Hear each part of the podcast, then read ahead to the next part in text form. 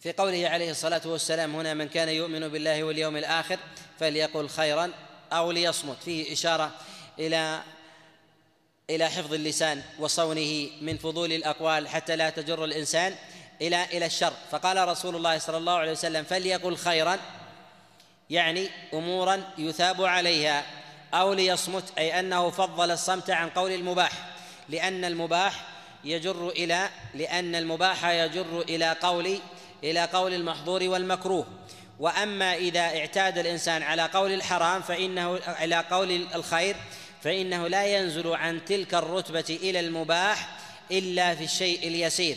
فإذا كان ينزل إلى هذا في الشيء اليسير فيبعد أن يقع في في الشر. فإذا كان يوغل من أو يوغل ويكثر من قول المباح فإنه لا بد أن يقع في في الحرام. ولهذا يقول العلماء أن الورع أن تدع ما لا بأس به خشية أن تقع فيما به بأس. أي أن الإنسان يترك المباح حتى لا يقع حتى لا يقع في المكروه ثم يتدرج فيقع في الحرام. ولهذا قال رسول الله صلى الله عليه وسلم من كان يؤمن بالله واليوم الآخر فليقل خيرا أو ليصمت ولم يقل فليقل مباحا ونحو ذلك.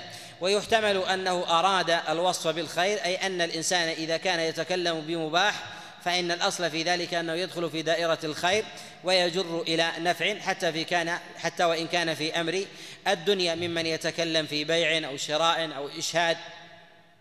ونحو ذلك فإن هذا يجر إلى كسب رزق ونحو ذلك فيدخل في أبواب الخير.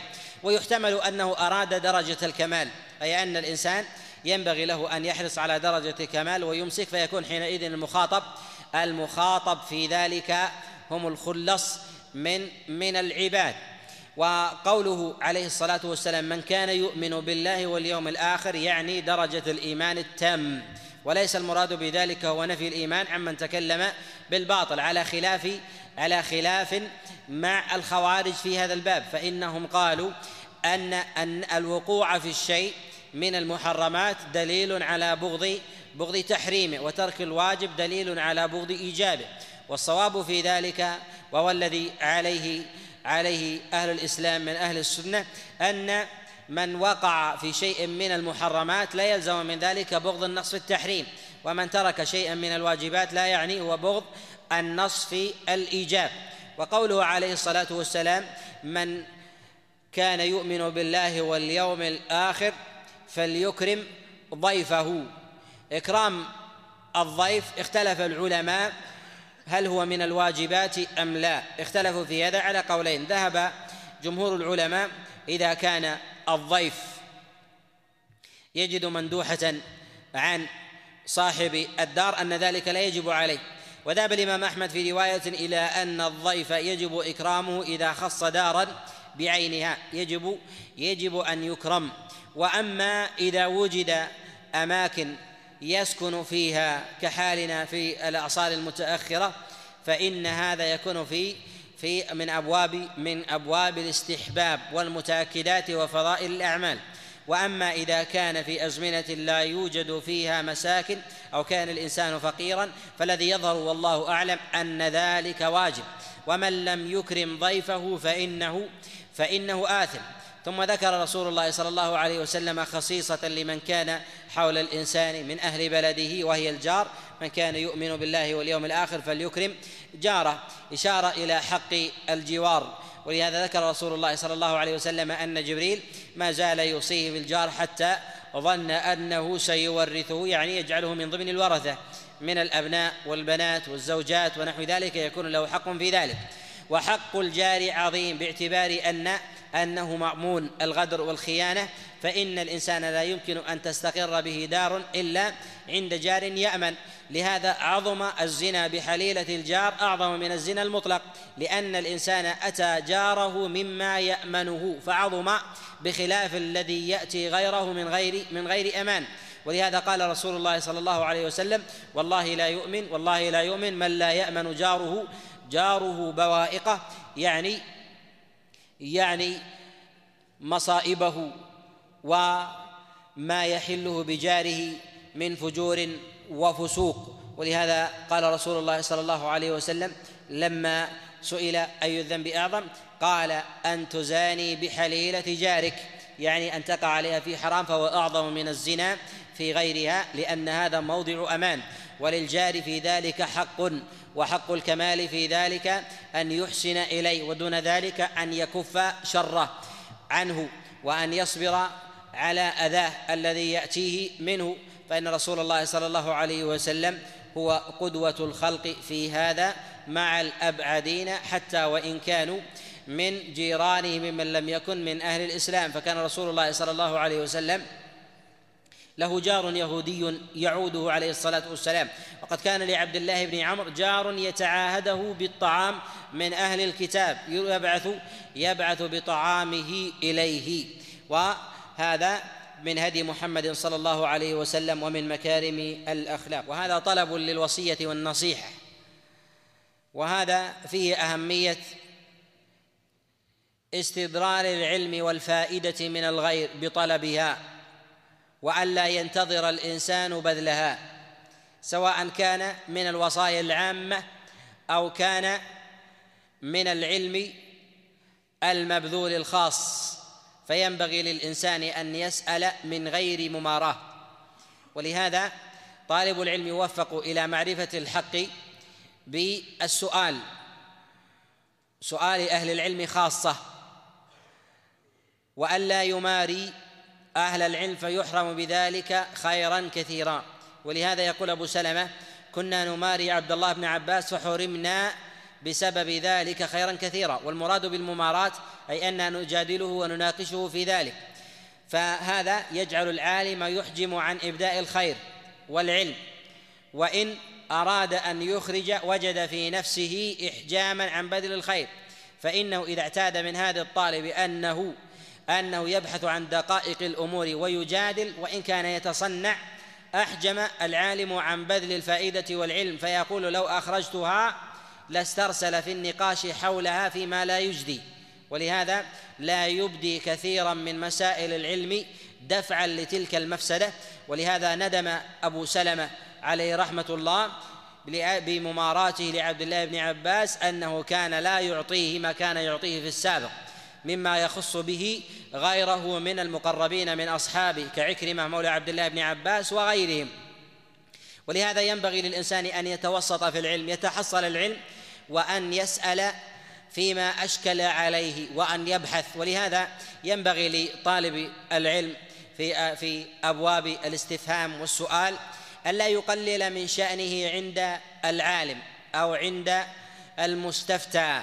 فإذا أشكلت عليه مسألة من المسائل وهو موصوف بطلب العلم أن يبحث عنها بنفسه فإنه إذا أكثر من السؤال للعالم عن الضئيل الدقيق والجليل والعظيم أو الحقير من مسائل العلم فيسأل عن كل شيء ورد إلى ذهنه استصغره العالم. ولم يجيبه في كل سؤال يسأله. فإن طالب العلم لا يسأل إلا عما استشكل عليه ولم يجد له جوابا في نفسه.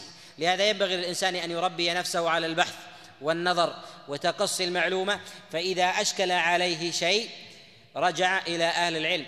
ولهذا لا يليق بطالب علم مختص يعتني أن يسأل عن حديث وهو في الصحيحين أو يسأل عن حديث وعلته ظاهرة بينة يصل يقف عليها يقف عليها بأسهل سبيل بخلاف العلل الدقيقة وما يخفى على الإنسان بعد على الإنسان بعد البحث. والعالم يفرق بين طالب العلم الذي يستطيع البحث والنظر ويفرق بين المتوسطين من الناس الذين لا يعتنون بمسائل العلم. فذاك مسألته ربما تنقصه قدرا إن أكثر منها وذاك ربما تقربه مسألته قربا ولو كانت مشابهة مشابهة لغيره. وهذا الرجل سأل رسول الله صلى الله عليه وسلم واستنصحه واستوصاه فقال له رسول الله صلى الله عليه وسلم لا تغضب. في هذا الجواب الذي ربما لا يتبادر إلى إلى ذهن السائل حينما يسأل أن النبي عليه الصلاة والسلام استنصح من قبل رجل فبماذا نصحه؟ فالغالب أنه لا يتبادر إلى ذهن الإنسان أن الناصح يقول له لا تغضب إلا لسبب وجد في السائل إما أن يكون الرجل غضوبا ونحو ذلك أو أنه يتعامل معاملة تستوجب الغضب كأن يكون قاضيا أو يفصل بين خصوم أو يتعامل بالبيع والشراء ونحو ذلك. فيلزم منه ممارسته لهذا العمل غضبا فاستحق الوصية بهذه الخصيصة. ولهذا كثير من أسباب ورود الحديث لا يذكرها النقلة وينقلون الخبر. وينبغي لطالب العلم إذا أراد أن يقف على معنى حديث بكليته أن يرجع في ذلك إلى إلى المسانيد والمعاجم. فإن المسانيد والمعاجم تورد الأحاديث بتمامها وتتضمن في كثير من الأحيان أسباب ورود الحديث. بخلاف الأحاديث التي التي توضع تحت أبواب وتراجم فإنها تختصر بحسب بحسب خصيصة الباب التي ورد فيها. ولهذا ينبغي لطالب العلم أن ينظر في المسانيد والمعاجم كذلك أن ينظر أن ينظر في جمع طرق الخبر الواحد حتى يقع لديه أسباب ورود الحديث حتى يفسره على على وجهه. ورسول الله صلى الله عليه وسلم يستنصح كثيرا فيجيب بأجوبة مختلفة بحسب حال السائل أو ربما بحسب حال السامع لديه كما كان النبي عليه الصلاة والسلام مع جبريل ويعلم أن جبريل يعلم هذه الأحكام فأجاب مريدا مريدا لمن كان سامعا. فإذا سئل بسؤال ويعلم أن الذي الذي سأل هو من أهل الكمال والصدق فلا يحتاج إلى جواب. ناسب أن يجاوب جوابا يحتاجه من عنده من من الناس. كذلك أيضا فانه إذا وجد في الشخص نقصانا في باب من الأبواب كالصلوات يجيبه بالعناية بالصلاة وإذا كان فيه نقصان بمراقبة الله عز وجل والإخلاص أوصاه بالإخلاص. لهذا رسول الله صلى الله عليه وسلم يسأل كثيرا أي العمل أفضل؟ يقول الإيمان بالله. وتارة يقول إقام الصلاة وتارة عليه الصلاة والسلام يقول إطعام الطعام. وهذا يدل على أن هذا يختلف بحسب حال حال السائل. وإنما قال رسول الله صلى الله عليه وسلم لا تغضب. هنا يظهر لحاجة السائل إما في في ذاته فإنه غضوب والغضب يعرف أنه غليان دم القلب الذي يدفع الشخص للانتقام يعني الانتقام ممن غضب لأجله. الإنسان حينما يجد أسباب الغضب ينبغي أن يبحث عن أسباب أسباب الرضا ودفع ودفع الغضب. ونهي النبي عليه الصلاة والسلام هنا بقوله لا تغضب. ليس بذات الغضب وإنما هو عدم التعرض لأسباب ما يغضب الإنسان من من الجدل والمراء أو المواضع التي تكثر فيها اللجاجة.